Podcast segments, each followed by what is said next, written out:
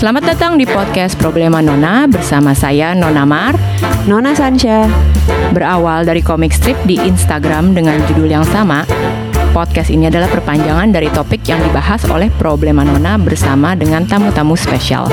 Semoga podcast ini bisa memberikan wawasan baru atau yang berbeda sehubungan dengan keseharian Problema Nona. Selamat datang di podcast Problema Nona bersama saya Nona Mar dan juga Nona Sansha.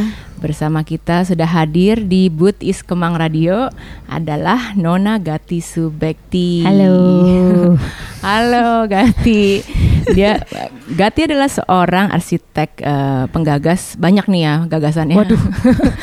Ini lagi lihat-lihat kemarin kayak wah banyak sekali proyeknya. Tapi salah satunya adalah uh, Arkana Arsitek ya. Yes, itu. Uh, arsitek itu adalah uh, Arkana Architects itu adalah uh, perusahaan arsiteknya Ya, studio milik arsitek studio di Bali. arsiteknya di Bali dengan beberapa teman ya bisa diceritain Iya. juga nih arkananya Aku berempat sih sebenarnya originalnya. Hmm. Eh, eh, cuman tiap orang it, eh, kita bikin partneran tapi tiap orang di konsep ini kantornya adalah tiap orang punya job desk masing-masing. Jadi kalau aku itu head of design eh, partner aku satu eh, head of studio jadi yang ngurusin manajerial segala macam keuangan pajak gitu-gitu kontrak gitu-gitu. Eh, terus yang dua adalah lebih ke bisnis gitu. Jadi a bit different dari yang eh, kantor-kantor arsitek pada umumnya yang biasanya semuanya tuh ngedesain gitu. Ini itu enggak tapi semuanya base eh, di dunia arsitek pendidikan arsitektur gitu kira-kira. Kita udah jalan kurang lebih mau lima tahun ya kalau aku nggak salah. Ya terus eh, kita di base Bali emang karena kita lebih ke tropical building, tropical design, eh, villa, hotel, resort, eh, restoran. Hmm, jadi lebih ke arah timur. Eh, perjalanan karirnya mengembangkan ke arah timur karena menurut kita emang itu potensi yang eh, paling besar sekarang di timur gitu. timur maksudnya timur Indonesia Iya, gitu jadi ya. dari Bali, Lombok, eh eh Flores ya ke Sumbawa segala macam gitu. Jadi ke arah sebelah sana gitu. oh karena di situ Udah juga keramaian lagi Jawa. pariwisatanya lagi Iya, berkembang banget ya Iya, gitu kira-kira sih. Terus apa lagi ya? karyanya apa aja sejauh ini Aduh, karyanya, yang mungkin ah. yang paling ikoniknya deh Cie Eh, kita ada restoran di Peti Tengah namanya Space Mantra no, dan Noah jadi dia atas bawah jadi dua. Nah itu paling highlightnya sih. Cuman ada beberapa lagi yang akan menjadi highlightnya tapi belum jadi. oh belum jadi ya jadi masih secret Eh, Eh, Gati juga ini ya eh, penggagas dari perempuan berarsitektur iya. nah bisa cerita nggak sedikit tentang perempuan berarsitektur ini Nah, karena eh hmm, jadi gimana ya ceritanya? ya? Kita kan eh, karena kebetulan saya adalah arsitek yang karena kebetulan arsitek itu adalah eh dunia yang eh, penuh dengan lelaki-lelaki. Jadi waktu itu kita cewek-cewek ngumpul sama teman-teman, terus kita mikir, eh kayaknya seru juga sih kalau kita ngumpul-ngumpul terus bikin sesuatu, bikin eh, yang jadi meng-highlight perempuan dunia perempuan di dalam arsitektur.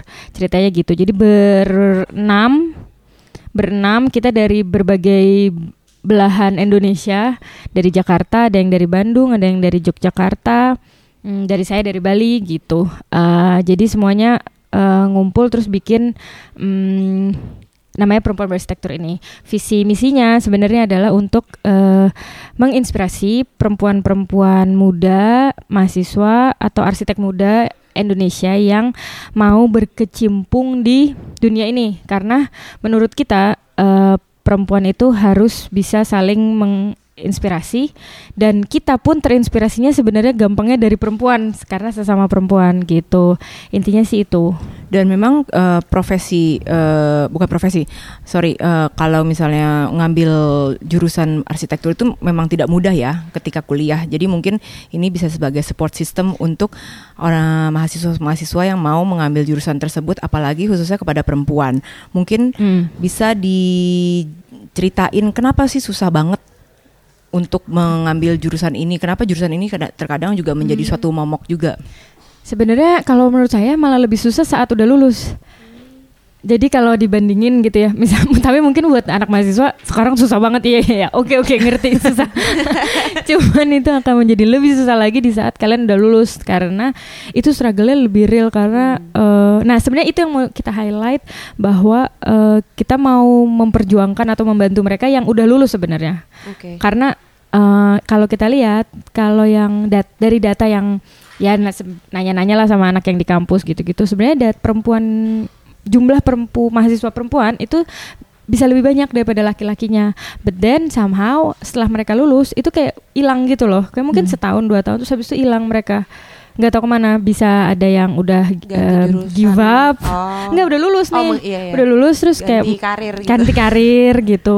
Which is sebenarnya nggak apa-apa sih, cuman kan Mm, eh, sayang juga ada kan. pertanyaan nih kenapa kok mereka saat awal tertarik masuk dunia arsitektur tapi pada saat lulus kok hilang gitu kan. Nah, itu yang itu eh, sebenarnya yang mau kita eh kan eh, ayo ayo bisa kok gitu. Kita berjuang sama-sama gitu. Kalau menurut aku memang waktu lulus itu lebih banyak lebih banyak godaannya atau masalahnya karena ada tuntutan berkeluarga, ada tuntutan hmm, gimana ya keras Eh, karena memang dunia setelah lulus tuh lebih keras daripada saat em, di kampus gitu. Kalau waktu itu kita pernah ngobrol juga kan, eh, kit- sebagai arsitek tuh dia harus dealing dari klien Ya. sampai, Sampai ngomong ke tukang, gitu. Dan Iya. itu nggak dipelajarin di kampus dan itu yang berat menurut aku. Nah, kita sebagai perempuan kadang ada di situasi yang mm, kurang bisa ya, Didengar. didengar atau menghandle kadang kliennya ya gitu Iya, ya. Mungkin gitu. Gatinya juga sendiri ada cerita kan ketika berhadapan dengan klien dulu eh, apa zaman-zaman yang mungkin masih baru-baru mulai Iya, gitu iya. pasti ada eh, cerita-cerita di mana eh, lo di mungkin dianggap remeh karena ih siapa nih sekretarisnya? Gitu atau iya apa iya bisa gitu. atau eh, sekretaris. Asisten. asisten nah. Iya iya biasa gitu. Tapi ya pasti kalau baru lulus nggak akan diterjunin langsung lah ya gitu. Oh, pasti ketemu ada klien mentor- ya kalau- iya kalau pasti ada mentornya pasti dulu iya gitu kan. Hmm. pasti ada seniornya juga gitu kan. Tapi yang harus kita pahami adalah eh, posisi kita sebagai eh, perempuan memang mungkin yang lain juga pernah ngerasain ini yang nggak didengar gitu. Kadang tuh nggak didengar kadang harus agak berteriak tanda kutip dulu baru kita didengar gitu. Nah itu sama kalau di dunia arsitektur. Dari ketemu klien yang notabene biasanya om-om pembisnis eh, sampai ke misalnya ke sampai ke lapangan yang isinya jelas laki-laki semua gitu. Iya, mandor-mandor segala macam. Itu Hmm. gimana kita behave sebagai arsitek sebagai yang sebenarnya in charge kita tahu kok Hmm. Mas kita tahu kok ini ngehandle gimana gitu nah kita harus bisa ngehandle itu sampai bisa mengkomunikasikan itu ke eh, ke yang harus kita komunikasikan gitu kira-kira Ada gitu. contohnya nggak atau cerita? ceritanya eh, kalau du kalau dulu sih waktu kalau sekarang sih udah nggak terlalu ya tapi kalau dulu waktu Karena sekarang muda- udah ini ya cerita C udah kalau sekarang udah bisa Sudah songong mempunyai nama gitu guys. gitu. udah bisa gini dikit apa? Iya. sombong dikit. Tapi kalau dulu emang em, kalau ketemu klien itu tadi dibilangnya mm, gimana ya? Jadi klien tuh kan datang dengan baju punya proyek itu nggak cuman 100 200 juta. Proyek itu bisa ber-mm-an Hmm. Gima- ceritanya adalah bagaimana kit, saya bisa dulu nggak dipercaya untuk megang satu project karena memang kewa- ke- eh, tanggung jawabnya sebesar itu duit yang harus di manage itu tuh sebesar itu untuk di proyek ini. Nah eh, iya kadang nggak jadinya nggak dipercaya kadang kita Kayak ngomong nggak didengar kayak gimana nggak didengar In- intinya sih gitu sih kayak Dari ide konsep Iya dari awal gitu. ide itu nggak didengar, kadang nggak dilihat, bisa ada yang nggak dilihat. Jadi kan kalau saya sih dulu punya bos cowok sih, jadi uh, memang biasanya terusnya ke bos saya dan mereka nggak pernah ngeliat saya sampai saya harus bersuara lebih gitu. Emang harus sepede itu untuk bisa ngomong, untuk tadi aku bilang kan agak berteriak, Hmm, eh, untuk bisa lebih didengar gitu. Em, eh ya kira-kira gitu sih sampai ke eh, kita akhirnya bisa eh, sampai ke ngomong ke tukang juga gitu Mm. misalnya ngomong ke tukang tuh juga beda lagi tuh Nah itu kayak Wah, gimana? kalau aku sih biasanya eh, baik-baikin tukangnya jadi kayak Mm-mm. eh, gini tukang tuh adalah orang yang emang kerjanya ya dia yang tahu gimana caranya kan nah Di kita kan di gitu ya. lapangan kita cuman intinya adalah saya kita minta tolong ke mereka untuk menyelesaikan apa yang harusnya menyelesaikan diselesaikan sesuai dengan apa yang kita gambar gitu intinya kan gitu jadi eh, itu juga lebih tricky lagi bahwa kita tuh nggak boleh sok kalau aku sih ngelihatnya bahwa mereka punya apa ya, ego juga ego juga gitu. Heeh, nah jadinya pasti. itu eh aku nggak aku kita harus beda memperlakukan sama klien kita ke klien dan kita ke tukang gitu. Heeh. Nah itu juga jadi tukang mendingan kalau aku sih aku baik-baikin aja. Heeh. Tapi kalau sama klien jajatin kalau sama klien Bodo amat dah kalau baru invoice aku baik-baikin. Oh iya, yang penting DP dulu nih masuk ya kan. Ya karena kalau misalnya tukang itu juga maksudnya approach-nya juga beda kan ya kalau Iya. misalnya ngobrol dengan mereka dan mereka juga dalam kesehariannya em, maksudnya seperti apa ya approach-nya yang perbedaannya misalnya ngobrol sama ke tukang yang cowok sama klien yang cowok gitu. Ah, kalau hmm, bedanya apa ya? Bingung. Cara ngomongnya. Kalau oh, kalau aku buat kalau masukan dari aku ya sebagai perempuan kita harus tahu kita itu ada di mana, bicara sama siapa dan kita ini sebenarnya siapa gitu. Karena nggak mungkin kita senyum-senyum mesem-mesem manja-manjaan saat Hmm. kita ada di tempat yang seserius meeting gitu kan. Nah, menempatkan diri itu penting, tapi juga be yourself tuh penting gitu kalau menurut aku. Jadi kalau lihat jadi kalau aku sama klien aku deket karena sebenarnya aku secara personal juga deket sama mereka. Um, tapi juga di saat serius ya aku serius gitu. Mereka bisa tahu kalau aku uh, 100% into the project gitu. Pelaj- fokus pelajari semuanya. Jadi di saat di saat ada masalah bisa jawab. uh, di saat ada di saat ada masalah bisa kasih solusi ya kayak gitu. Tapi secara personal juga deket sama kliennya karena uh, bikin project itu tuh long term relationship 1-2 tahun itu itu yang harus di manage gitu loh. Hmm. kepercayaan gitu. Kayak Iya, gitu sih. Maksudnya project arsitek tuh nggak nggak cuma Nggak- seminggu dua Iya. minggu gitu bertahun-tahun ya bertahun-tahun kan. dan Iya, sih. uh, Tapi ka- begitu juga dengan orang-orangnya kan kayak tukang-tukangnya juga lo cenderung memakai yang sama lagi gitu untuk next projectnya next enggak beda-beda. Beda-beda. ha, tergantung itunya lah ko- kontraktornya. Kontraktornya Ha, ya. tergantung Iya, betul. kontraktornya. Tapi itu juga harus di dijaga juga relationship. Jadi Hubungannya, hmm, jadi eh again beda lagi nih sama klien sama sama tukang Mm. gitu Eh, nggak bisa tuh seenaknya kita nyuruh-nyuruh gitu iya sih dia cuman tukang tapi nggak cuman Mm. tukang sebenarnya gitu kayak gitu-gitu sih Mhm. Em, merasa direm kalau merasa direm merasa diremehkan di di eh, lapangan sih lebih kepada satu-satunya perempuan nih ada di lapangan isinya laki semua ya iyalah lu bakalan dijadiin eh, bulan-bulanan gitu. bulan-bulanan ya lu Iya, iya, satu-satunya yang nggak usah yang beneran arsitek gitu kita Iya. aja ngelewatin Iya. bangunan yang Dili- baru dibangun dilihat, aja diliatin di cat calling ya istilahnya. Catcalling, Asli, heeh, gimana benar-benar. lu ya yang harus tapi tapi justru gue mikirnya itu gitu. mikirnya kalau kayak begitu akan lebih lebih beda posisinya kalau kalau kalau kita kan karena mereka nggak kenal kan jadi kita dia Hmm. cuman kayak oh ya udah nih cewek lewat weh cakep weh gitu Hmm. tapi kalau misalnya Au. lo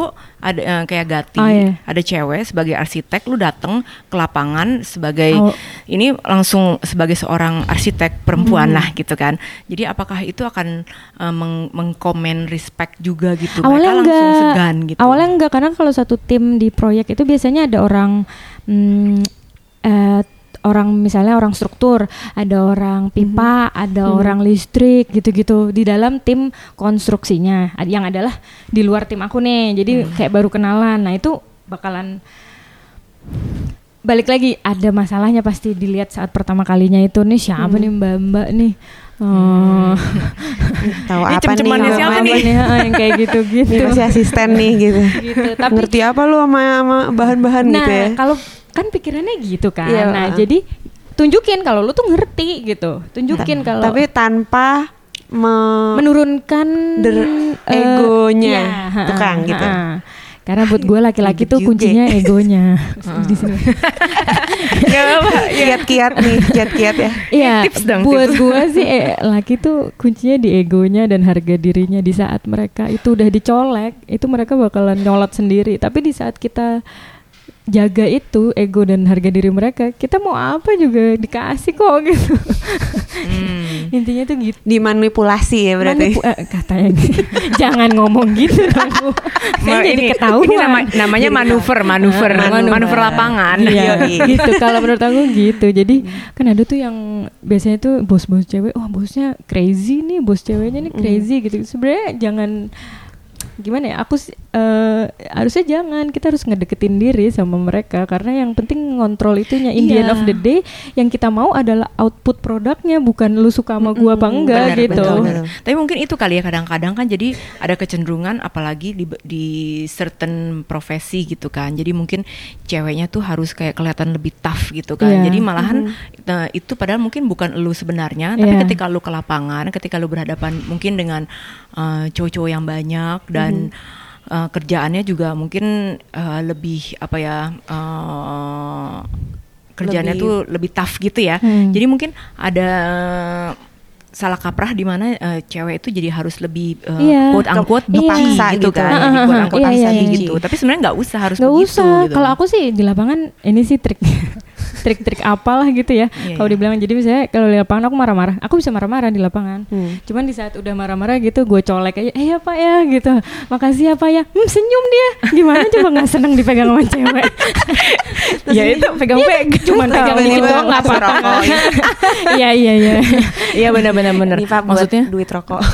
Kayak gitu. Iya, maksudnya siapa nggak- cuma Iya, nggak harus nggak harus selalu dengan muka asem dan nada yang nada tingginya, tapi sesudahnya juga harus Iya. ada ininya ya kayak eh, istilahnya eh, Nah, tegas tuh bukan Amplasnya, ada amplasnya. Iya, iya. Tegas tuh bukan berarti juga nada tinggi gitu. Sebenarnya iya, gitu. benar-benar Kalau iya. Mesti tahu ada candaan-candaan tukang juga ya.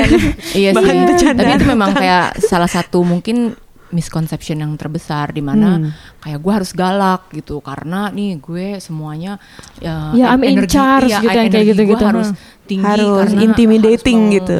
me- apa namanya mengimbangi energi maskulin di Hmm. sekitar gue tapi nggak harus begitu kan Enggak nggak harus. Mungkin dulu iya sih gue kayak gitu waktu itu belum bisa baca situasi. Cuman gue sih mikirnya ketika masih mudaan ketika gitu ya muda, masih berapi-api masih ho- hormon yang turun sekarang udah flat. Jadi kalau sekarang lebih kepada ah gue pengen ada output tertentu produknya apa, ya itu gimana caranya gue ke sana. Fokusnya tuh ke situ bukan Hmm. gimana orang ah gue harus kelihatan kayak kayak punya apa eh, Wibawa. wibawa yang gimana gitu-gitu nggak nggak usah gitu Hmm. ya ak- akan ada wibawa itu nggak di apa ya wibawa itu akan datang sendiri gitulah. Hmm. Kan- betul betul. Dengan dari cara lu secara Iya. naturally menghandle semua bukan ngomong aku situasi di berwibawa gitu. Iya. Dengerin gue why? Gitu. Kalau di kantor gue sih kayak gitu juga. Jadi kita kantor kecil terus gue juga kerjanya bareng sama satu ruangan sama yang Hmm. lain jadi lebih kayak temen gitu loh gue berusahanya kayak tapi gue bisa marah-marah gue akan Hmm. marah-marah di saat yang marah-marah di saat yang mereka salah tapi habis itu ya gue bisa makan siang bareng mereka gitu Ya, dan harus tegas ya waktunya tegas ya tegas gitu iya ya. gitu jadi lebih ke gimana tadi balik ke penempatan dirinya gitu Hmm, hmm, hmm, hmm. Nah jumlah em, kantor lo itu jumlah peker- eh, karyawan lo lebih banyak cewek apa lebih banyak cowok? C. aduh ini gitu. jujur nih Ya, jujur aja jujur banyak kan nggak cowok dong di mana nih makanya masih menjadi masalah di dalam Tapi Karena soalnya dari susah ya men- mencari Hmm. cewek eh, pekerja yang eh, susah dan karyawan sebe- cewek. sebenarnya gue Maksudnya yang apply kerjaan itu lebih banyak cowok juga Enggak, apply ternyata kerjaan- atau gimana? Pa- apply kerjaan kurang lebih sama, cuman saat dilihat portofolionya, saat diwawancara, hmm, Tetap itu objektif terusnya yang- ya? Iya tetap objektif. Hmm. Jadi gue harus ya lihat gimana eh, kemampuannya mereka kan. Jadi ya Hmm. terus yang ternyata yang masuk klasifikasi yang cowok kebetulan Hmm, gitu. hmm. Uh, kadang karena kita di Jakarta, karena kita di Bali yang apply Jakarta, cewek-cewek pada nggak dibolehin ke Bali gitu. Oh, Iya. iya iya iya iya. sih Gitu. itu. Heeh, bener Kalau orang Bali tuh juga um, biasanya cewek-cewek tuh lebih banyak. Kalau nggak salah ya, uh, lebih banyak kegiatan adatnya gitu-gitu. Which sebenarnya gue nggak bisa. Oh gitu. Ya dong, ya tapi terus gue nggak bisa ini dong nggak bisa ngasih mereka apa ya privilege cuman gara-gara itu gitu. Nggak bisa Kebanyakan liburnya Iya, ntar. gitu. Kadang-kadang juga kalau menurut gue perempuan sus nggak tahu sih, cuman kadang mereka susah ada di ada di keadaan yang mereka susah konsen, susah susah fokus. Hmm. Entah biasanya kan kita Karena? ada PMS. terus misalnya dia berantem sama lakinya apa gimana lah ya. Terus Emotionally. Iya. Itu yang harus dijaga sih sebenarnya kita sebagai perempuan.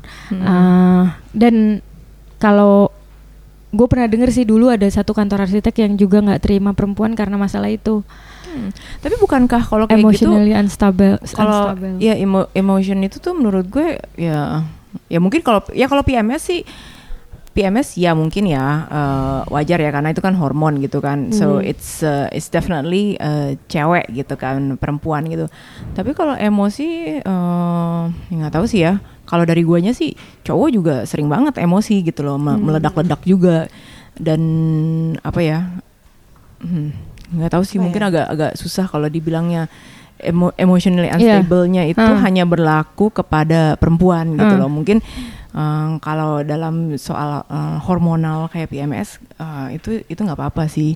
Cuma kalau untuk in general sih kayak misal berantem sama cowoknya menurut gua kalau di, di sini cowok juga bisa berantem sama Iya, ceweknya iya, ya. Cowok, bener-bener. iya, cowok kalau berantem sama ceweknya juga suka kadang-kadang baper banget, yang bucin-bucin gitu kan juga mereka langsung wah kayak galau, susah kerja segala macem. Berarti gue gitu dapetnya kan. cewek-ceweknya lagi galau kali ya kemarin-kemarin. Iya. Kalau gitu sih menurut gue iya. Kayak banyak juga cowok-cowok Iya. yang bucin gitu kan. Kenapa gue dapetnya cewek-ceweknya lagi galau ya? Iya sih. Ya tapi eh, memang ada kali ya mungkin persepsi seperti itu. ada ada Dan- persepsinya yang kayak dan- gitu sih emang. Dan memang juga mungkin mungkin ya menurut gue eh, dari pihak cowoknya mungkin mungkin cowok tuh lebih bisa menyembunyikan juga dengan baik gitu. Lebih bisa Oh, compartment- iya. compartmentalize Iya, jadi dia mungkin eh, dia dia dia ngumpet atau dia cabut cepat ke mana gitu, tahu dia. Iya, iya, ketemu nangis tau-tau di belakang Iya. gitu. bisa juga Iya sih. kan? Iya, tapi kan Iya, dia iya, nggak iya. nggak nggak langsung mungkin dia ya, ya gitu sih, mungkin Iya. dia lebih. Tapi apa ya solusi untuk mensupport itu gitu? Like you're allowed to be emotional, like everyone is allowed to be emotional, but how do you um, Ya tadi Ruang take your kerja, time iya, aja. iya. Ruang Sebenarnya lebih ke take your time, gitu. kasih 15 menit lo keluar ke WC gitu atau ke mana ke taman ngerokok apa kayak terserah lu yeah, lah ya. Take take small breaks Ah, ah, gitu, ya. gitu dan itu nggak apa-apa kan nah iya. sebenarnya kalau menurut gue karena ada stigma itu dan kebetulan gue juga me- Menyaksikan menyaksikan stigma itu tuh, Iya me- agree sama stigma itu sebenarnya itu malah jadi kayak ah kita perempuan nggak boleh nunjukin itu tuh kita harus lebih kalau dari gue sih gitu Mm-mm. jangan jangan jangan jangan ketahuan nih kita lagi misalnya lagi galau atau apa kita harus Lagi bisa rapuh, jangan lagi sampai ya kita harus bisa kontrol itu kita. gitu Mm-mm. kita udah harus bisa kontrol itu tunjukin kalau misalnya kita tuh nggak kayak gitu gitu Hmm. karena sebenarnya secara jangan memperparah stigma itu iya, gitu. gitu I see, oke. Jadi kalau misalnya berarti kalau dari lo eh, sebaik memang memang eh, memang kalau misalnya lo merasa emosional lagi pas lagi kerja gitu, tapi eh, melalui pengalaman kita bisa lebih mengkontrol dengan baik iya gitu ya. uh-uh. Mhm. Hmm. Eh, nggak ada misalnya kasarnya tuh nggak ada yang mau peduli sama perasaan lo kan kalau di dunia Mhm. kerja Iya ya, bener. iya dong gitu kan Ah, bener. It's all about Gua kayak Work is and work. iya professionalism gitu, gitu, It- ya. iya itu itu lo harus profesional gitu mau lo laki mau lagi uh, Iya, perempuan ya Mhm. nah buat gue ya eh kita nggak boleh kita nggak boleh ngasih tunjuk itu ya emang itu tough sih emang harus tough emang harus keras emang Mhm. ya tapi kalau lo mau dilihat profesional dan bisa dealing with everything ya lo harus keep it private yang masalah kayak gitu-gitu Hmm. gitu Mhm. menurut Sedangkan yang gua. pernah lu encounter tuh enggak dia eh, orang orang ini mungkin masih muda juga kali ya Mm-mm. masih masih Iya, baru lulus jam juga terbang kali juga ya gitu ini ya. itu tuh Iya. penting Gue sih, sih mengalami kayak gitu juga. ya. Kayak Itu gimana? Harus wah gila kerjaan gue desain banyak banget terus semuanya ditolak sama klien gue juga ada masa-masa Iya. gue ke kamar mandi terus gue down gitu, ha. "Ah, Iya, gimana iya." nih gila gak diterima-terima gitu cuma ya besoknya ya lo dust it off and try again ya iya besoknya nggak akan kenapa-napa kok gitu Iya, kayak ternyata- mulai lagi Eh, lo ya udah emang harus istilahnya it out.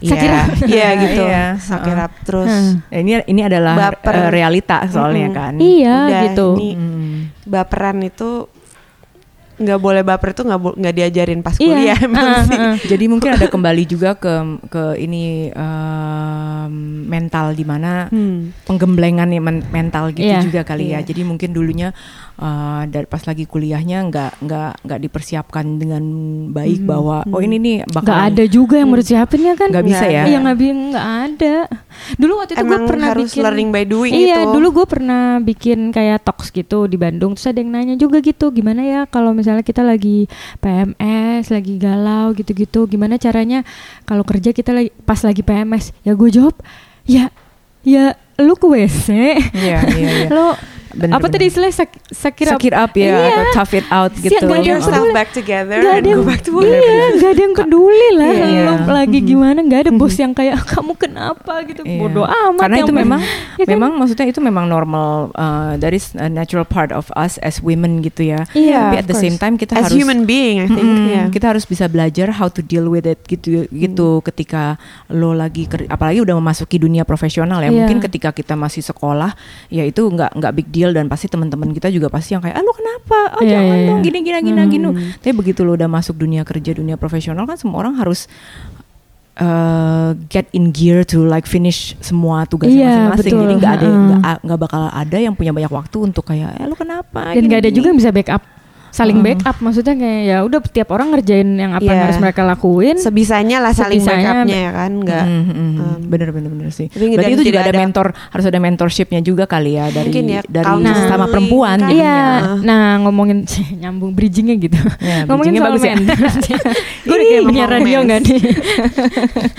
nah, ka, apa yang ngomongin soal men- menyinggung soal mentor tadi karena ini dari perempuan berarsitektur sebenarnya ada program pengen 2020 tuh ada program mentoring. Mm-mm. karena setelah kita ngobrol-ngobrol sama beberapa orang yang mm, kayak udah udah pernah ke luar negeri terus ternyata tuh di luar negeri tuh banyak program-program um, mentoring terhadap perempuan. Jadi kayak perempuan berarsitektur nih tapi lebih fokus ke mentoringnya juga Uh, nah kayak di Australia di Singapura tuh juga ada. Jadi dia m- banyak perempuan yang misalnya contoh kasusnya dia baru melahirkan Nah, terus cuti misalnya dua tahun tiga tahun terus gimana caranya mereka dibantu buat get back to work To work. lagi karena ternyata itu the struggle is real gitu ternyata Lu banyak ketinggalan kan dua Iya, tahun. iya. Terus kan kalau lu apply itu terus tiga tahun kosong kan eh, kantor bakalan pe- mempertanyakan kan ini Iya, lu lupa beneran ya, bisa lu nih, ke mana nih, kayak, gitu. iya lu ke mana nih? Gitu atau lu beneran yakin bisa tiga tahun kosong gini? Kayak gitu-gitu. Nah mm, Ah, Oke. itu ada program-program ternyata. Nah 2020 ini sebenarnya kita mau nyoba ke arah situ karena sebelumnya kan kita lebih ke uh, meng-highlight tokoh-tokoh arsitek perempuan bercerita bahwa siapa sih ini, ini arsitek ini kerjanya apa uh, kantornya gimana gitu gini gini. Nah untuk yang kali untuk 2020 sebenarnya tambahan um, tambahan programnya itu adalah mentoring itu Mm-mm. Ini ada hubungannya dengan ibu arsitek juga. ibu arsitek itu kayak rekan kerja sih teman Oh, Oke. Jadi kalau ibu arsitek itu teman-teman juga sih sama Hmm. eh, di Jakarta mereka base-nya kalau nggak salah mereka lebih ke acara talks gitu ya, Mm-mm. ngangkat isu-isu dan kalau nggak salah juga mereka juga mengikut. Jadi mereka nggak mm, nggak pure semua perempuan. Jadi kadang mereka juga menginvite istilah mereka tuh bapak arsitek untuk kasih insight dari sudut pandang Mm-mm. eh, cowok-cowok gitu. Setahu aku sih. Mm-mm. Hmm. Nah kebetulan sih kit- karena kita temenan terus kemarin pas BDD kita bikin acara bareng-bareng gitu. BDD itu apa nih? Masa nggak tahu BDD? BBD adalah Bintaro Design District Iya. 2019. Nah, Iya. itu mungkin bisa diceritain tuh kenapa apa, apa program apa itu? Waktu Menarik itu sih banget. kita cuman kayak eh ikutan yuk acara BDD kayaknya seru nih. terus saya ya Hmm. udah sama ibu arsitek juga Hmm. em, kit- eh, kita bikin pameran soal perempuan di urban design eh, karena temanya ke arah situ. Terus kalau ibu arsitek eh, talksnya, jadi tokoh yang diangkat sama ibu arsitek di talks kita angkat juga di pameran kita gitu. Pameran di ini yang hashtag jejak perempuan ya? Iya, karena emang ngumpulin jejak-jejak perempuan yang ada di Indonesia itu udah ke mana aja sih gitu-gitu. Oh iya, gue sempat lihat kebetulan gue tinggal di daerah Bintaro. Bintaro, juga. Terus gue lihat karya-karya kalian yang Hmm. jejak perempuan itu partisipatori Iya, gitu ya. Jadi iya. ada benang-benangnya bisa di ditarik-tarik, oh nyambung-nyambung ke kayak apa ya kayak populasi lebih ke statistik statistik Statistik, ah. perempuan berarsitektur tuh ada berapa dan yang lagi kuliah dan bla bla bla itu Terus ada pernah ke mana aja? Jadi ada Mm, maps, pernah ke mana aja map- maps dunia. Terus kayak bisa ini pernah ke mana aja gitu. Jadi di, di situ sih kita pengen ngasih tahu bahwa sebenarnya tuh perempuan tuh udah ke mana-mana nih perempuan Indonesia gitu. Kalian nggak tahu kan gitu nih orang-orangnya gitu. Statistiknya kayak apa?